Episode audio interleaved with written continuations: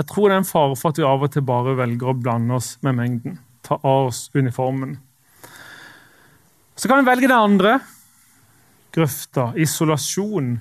Der vi gjemmer lyset under et kar, eller der vi eh, lar saltet lagres et sted det er trygt.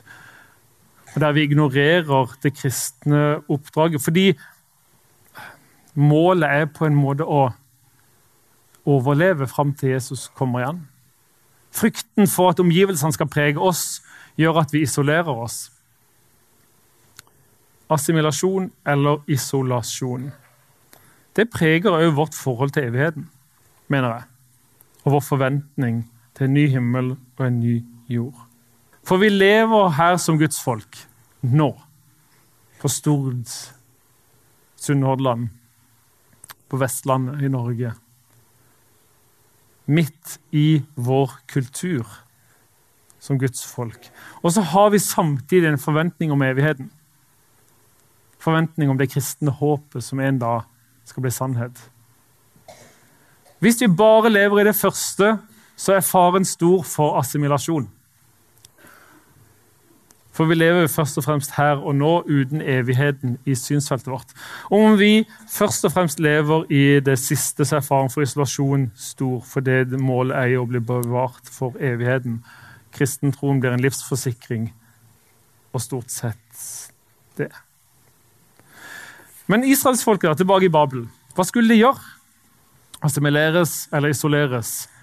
Eller fantes det faktisk en tredje vei? En tredje vei som både var til stede her og nå, og som samtidig løfta blikket og så på noe framover. Vi skal gå til Jeremia 29. Først oppdraget, i vers 4-7. Så sier Herren over herskerne, Israels Gud, til alle som jeg har ført i eksil fra Jerusalem til Babel. Hør på oppdraget. Bygg dere hus og bo i dem. Plant dere hager og spis frukten. Ta dere koner og få sønner og døtre. Ta kona til sønnene og gift bort døtrene deres, så de kan få sønner og døtre. Der skal det bli flere og ikke færre. Dere skal fremme fred for den byen som jeg har ført dere til i eksil, og be til Herren for den. For når den har fred, har også dere fred. Der er det kristne oppdraget i dag. Dere skal fremme fred for den byen som jeg har ført dere til, som dere bor i, som dere lever i. Dere skal be for han.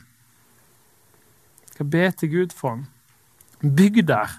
Ta dere familier. Lev der. Eller som Martin Luther sa, om Jesus kommer igjen i morgen, så vil jeg likevel plante epletreet mitt i dag. Vi er her nå som Guds folk og skal fremme fred for byen, for bygda, for landet. Vi skal be til Gud for den. Det er oppdraget. Men heldigvis så sier Gud noe mer i Jeremia 29. Han stopper ikke der og så sier han, that's it. Det er det. Men han sier samtidig som dere har det oppdraget, så gir jeg dere et løfte som jeg vil legge dypt ned i hjertet deres. I vers 10 så sier Herren, når 70 år er gått for Babel, skal jeg se til dere. Da skal jeg oppfylle mitt gode løfte for dere og føre dere tilbake til dette stedet.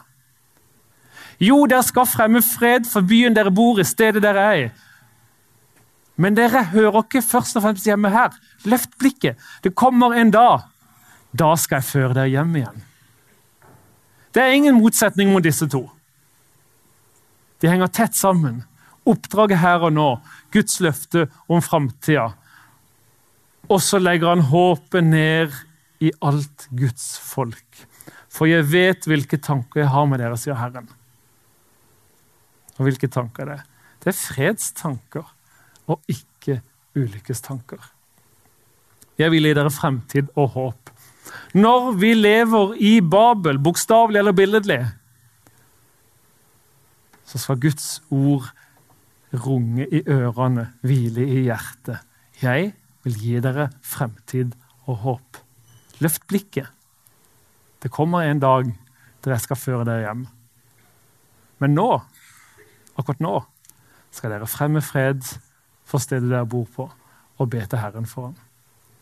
det kristne livet på noen få vers i Jeremia 29. En samfunnsbygger, en påvirker, en som fremmer godhet, sannhet og tro i nabolaget. Selv om vi har forventning om en ny himmel og en ny jord. Eller kanskje nettopp pga. at vi har forventning om en ny himmel og en ny jord, så skal vi fremme godhet og fred nå. Hvorfor det? Jo, fordi når vi gjør det, så gir vi mennesker et glimt av himmel. Enhver handling gjort i godhet. Enhver som elsker sin neste, òg sin fiende. Enhver som skaper fred, er et pust av Guds rike. Og du skal leve et Guds rike liv her og nå. Ikke blande deg med mengden, eller ikke isolere deg, men vær lys og salt. Leve Guds rike livet her og nå, så vi gir mennesker et pust av himmel. En mersmak på Jesus. Et glimt av evigheten og det kristne håpet. En dag skal jeg føre deg hjem, sier han. For du skal ikke være der for alltid. Vi har fått hjemland i himmelen, sier Paulus i Filippebrevet. Vi har vårt hjemland i himmelen. Vi har et annet hjem. Borte bra, men hjemme best. Det kommer vi til. Vi til å si når vi sitter i himmelen, kikker på hverandre og sagt ja, det stemte. Borte bra, men hjemme best. Det er sånn vi sier etter vi kommer hjem fra ferie, en fin ferie. Den dagen skal vi virkelig si det.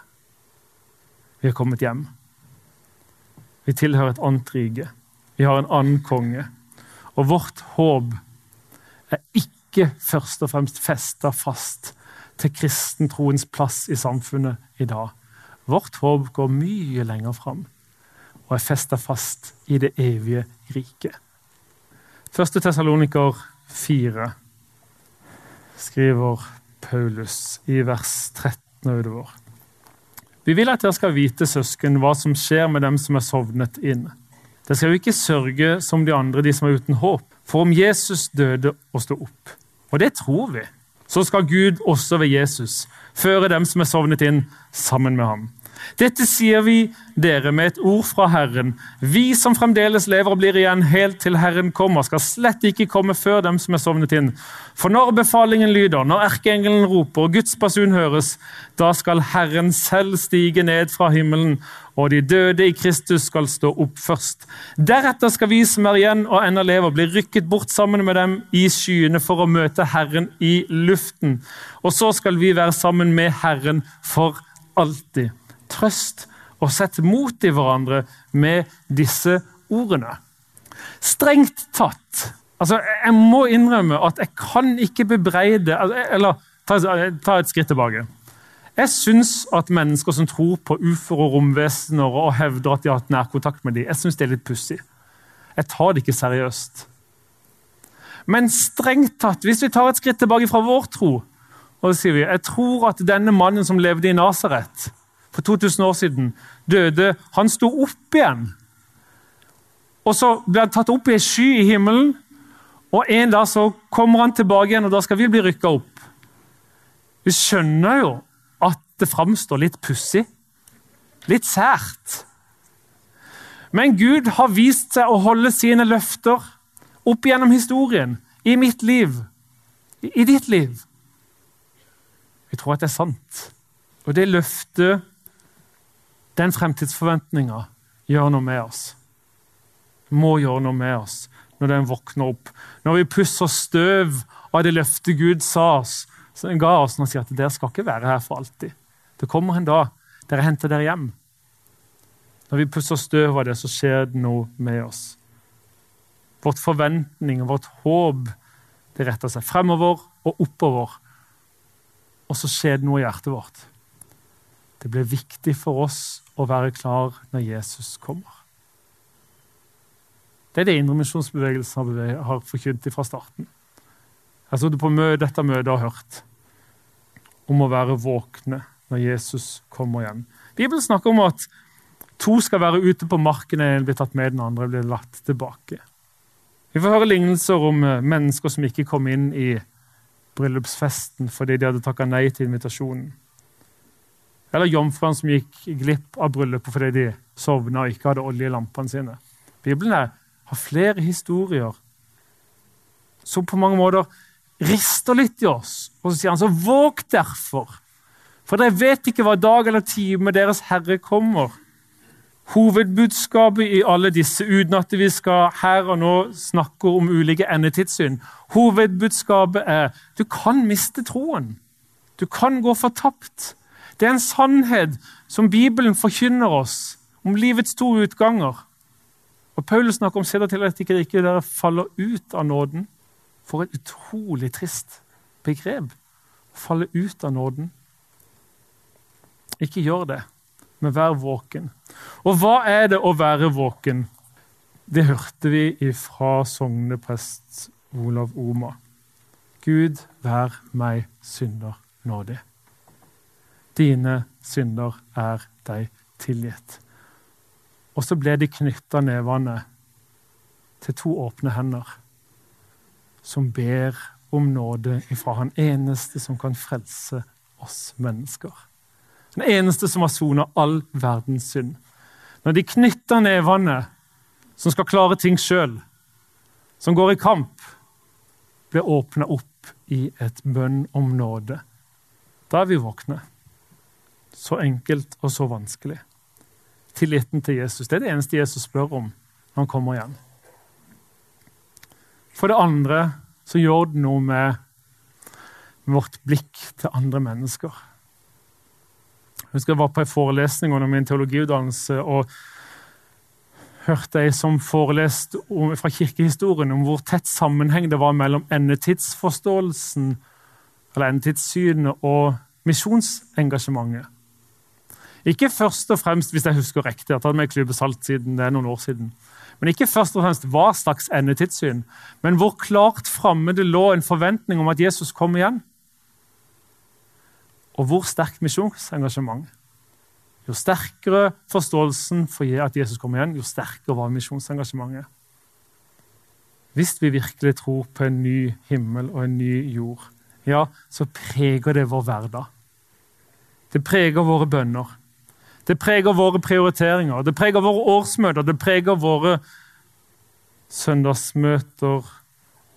Og det preger det koret som sang her i stad, med et tydelig evangelium og en invitasjon. Fordi vi tror at Jesus kommer igjen. Og vi har et oppdrag om å fortelle ethvert menneske de gode nyhetene om at døra står åpen. Invitasjonen er der for far som lengter etter å få sine barn hjem.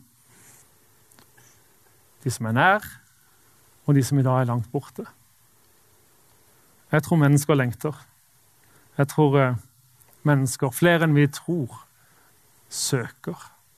Jeg tror flere enn vi aner, ønsker en invitasjon. Derfor gjør vi det på internett, men vi må gjøre det alle andre steder òg. De venter på noen som peker på en vei mot livet, mot håpet, mot evigheten. Olav H. Hauge, kanskje han setter ord på noe som alle mennesker dypest sett lengter etter. En lengsel, en, en drøm. Et dikt som ble kåra til var Norges fineste dikt. Det er drømmen vi bærer på. At noe vidunderlig skal skje. At det må skje. At tida skal åpne seg, at hjertet skal åpne seg. At dører skal åpne seg, at berget skal åpne seg, at kjeller skal springe, at drømmen skal åpne seg, at vi en morgenstund skal glide inn på en våg vi ikke har visst om. For Guds folk så er det noe mer enn en vag drøm. Den er konkret, og vi tror at den drømmen forteller om en virkelighet som kommer, og som bl.a. Jesaja forteller om i, vers, i kapittel 25. Han skal sluke døden for evig. Herren Gud skal tørke tårene fra hvert ansikt. Han skal ta bort sitt folks vanære fra hele jorden. For Herren har talt, den dagen skal de si, se, dette er vår Gud. Vi håpet på Han, og Han frelste oss. Dette er Herren. Vi håpet på ham. La oss juble og glede oss over hans frelse. Det er det kristne håpet. Lovet være Gud, vår Herre Jesu Kristi Far, Han som i sin rike miskunn har født oss på ny til et levende håp ved Jesu Kristi oppstandelse fra de døde, til en arv som aldri forgår, aldri skitnes til og aldri visner. Det er det kristne håpet.